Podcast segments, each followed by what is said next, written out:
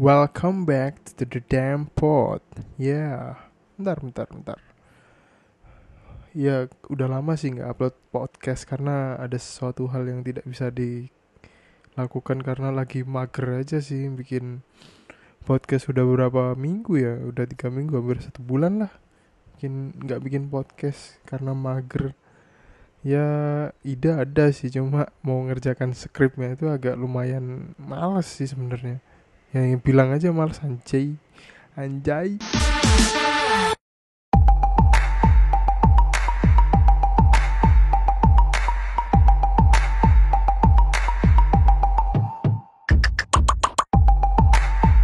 Oke, okay, sekarang welcome back to the damn pod. Kali ini mau ngomongin yang namanya temen yang lagi ujian tapi pelit untuk ngasih jawaban. Tipikal orang yang pengen lebih unggul lah dari teman-temannya ya yang berakhir pada ego lah. Mentolo tak jegal sih balik eh mentolo tenan garai wah bangsat emang.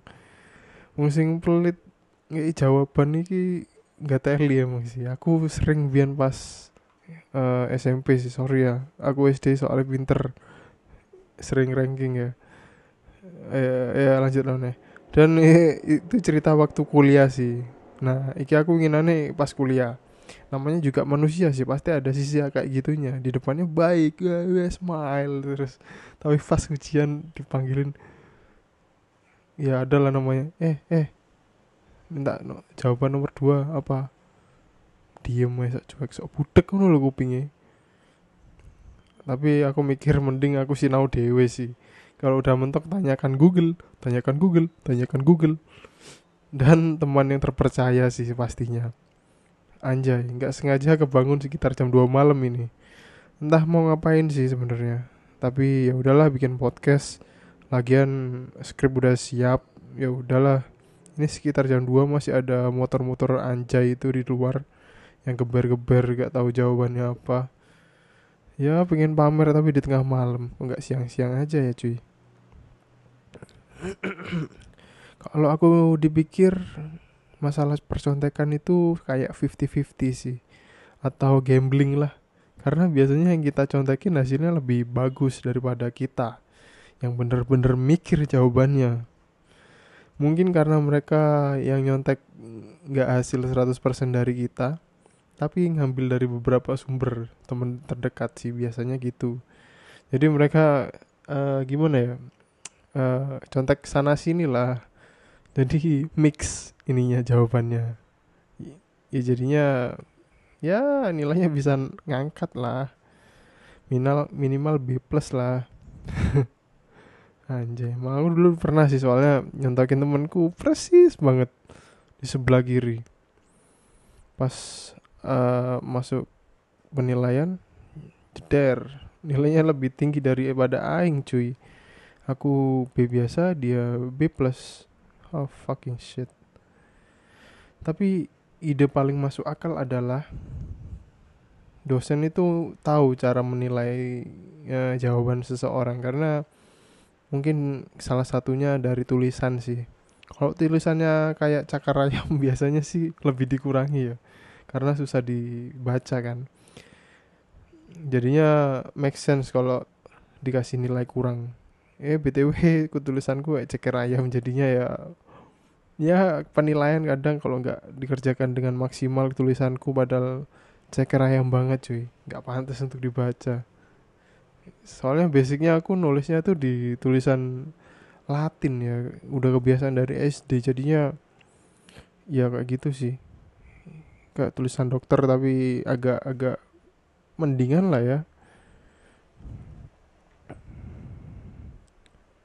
Soalnya aku juga pernah ngalamin sih nilai hasilnya itu juga berbeda dari apa yang aku harapkan. Padahal aku udah mikir itu sebelumnya dan evaluasi habis ujian.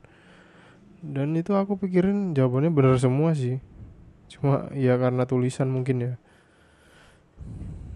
Tapi juga ada peluang khusus sih karena kalau kalian uh, deskripsikan jawaban kalian lebih panjang khususnya ini di fakultas hukum ya. Kalau di fakultas hukum itu lebih dihargai kalau tulisan kalian itu lebih banyak. Karena effort kalian untuk menjawab uh, jawaban itu itu lebih apa ya lebih berbobot lah. Meskipun isinya kurang ya kalau dibilang. Tapi kalau nyerempet-nyerempet boleh lah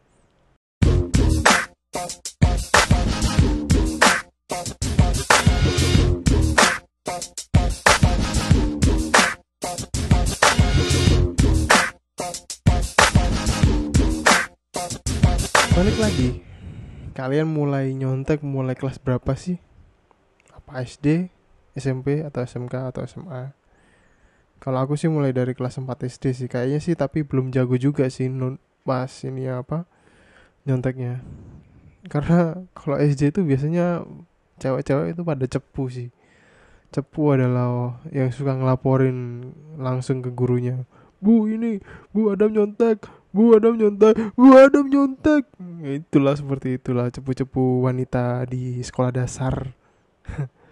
Tapi ada hal yang paling penting ketika ujian nasional guru-guru dan ya kepala sekolah memberikan iya memberikan tips untuk membantu teman kita ketika kesusahan dalam ujian nasional. Karena yang menjaga kan bukan dari uh, guru masing-masing di sekolah ya tapi dari uh, persilangan persilangan ini penjagaan dari sekolah lain jadinya kita nggak bisa bebas cuy. Nah kebetulan waktu masih ED itu zamannya Naruto kan. Ini lagi ceritanya lagi apa lagi ujian nasional kan. Itu era-eranya Naruto lah. Naruto Naruto masih bocil. Nah pada zaman SD aku kan biasanya kalau habis maghrib itu kan langsung cepet-cepet nyalain TV kan. Dan nyampe iya nyampe depan TV udah wow gak sabar rasanya. Dan aku sampai menghafal musik-musiknya Naruto sih. Keren-keren soalnya musiknya. Dan bener sih berubah setiap season jadi kalau kalian pencinta Naruto pasti tahu lah per season musiknya pasti ganti-ganti. Itu sih yang bikin gak bosan sebenarnya. Nah kalau kalau ditarik dari hype-nya Naruto jadi jadi kan soalnya pilihan ganda dari huruf A sampai D kan kalau SD itu kan ada kode tertentu kalau temen minta jawaban. Jadi uh, aku sama temen-temen kali ini pakai jutsu Naruto sih. Ya ada lah. Pokoknya jutsu jutsu Naruto itu ada. A sampai D itu ada uh, kodenya pakai jutsu Naruto. Jadi kita ini sebelum apa sebelum ujian itu uh, apa ya istilahnya briefing lah. H-3 atau H-2 ya. Kan kita kan biasanya belajar kelompok kan rajin gitu kan kalau SD nah ya circle circle itu aja yang tahu sebenarnya sih. Dilihat dari nomor ujian jadi uh, kita menghafal jutsu jutsu A sampai B. Wah itu keren sih epic sih. Ya sempet sih apa uh, pengawasnya bilang hei kamu ngapain? Nggak ada pak. Ya ini lagi tegang soalnya. Ya ya tegang sih tegang. Ya emang tegang anjir. Namanya UN anjir. Ya ya gitu ditanyain kamu kenapa? Nggak apa-apa bu. Uh, biar konsen melatih konsentrasi. Ya unik sih jawabannya sih teman-teman juga. Ada yang aduh enak. Kalau dia malah nanti ngeblank bu. Mending main tangan aja lah. Ya masuk akal sih kalau buat ngilangin ketegangan pakai jutsu jutsu ya sama sama tahu jadi jurus ribu bayangan. Dan karena udah belajar dan menghafal jutsu jutsu itu hasil ujiannya memuaskan banget sih. Karena dari nim itu aku masuk SMP jadi di kelas unggulan. Masuk ke kelas unggulan lah. Ya begitu sih cerita percontekannya. Kadang ada yang punya akal licik sih kata tenan nih. Biasanya gini. Jadi dia itu dimintain jawaban emang bener ngasih jawabannya. Tapi kan karena ini waktu kuliah atau SMK biasanya tapi kan karena soalnya esai dia ejain sekali sekalian. Tapi biasanya ada yang nggak beres ya ada kejanggalan kejanggalan lah dalam teman itu men- mengejakan jawabannya. Ada yang di ya, dimiring-miringin jawabannya atau di bolak-balik gitu kan anjing aku dalam hati wah bangsa di kata eh dijebak aing di salah-salah no jawabannya ada sih teman-teman yang licik seperti itu ada banget. Akhirnya aku bilang ya wis wis ya wis wis cukup aku tak jabarno dewi jawabanku. Semenjak itu aku udah males sih sama temen tertentu yang kayak gitu tapi kalau kuliah aku kalau nyontek ya biasanya cuma kasih inti-intinya aja nanti aku jabarin sendiri. Ya soalnya kan ya hukum kan bisa dijabarin dari pikiran kita.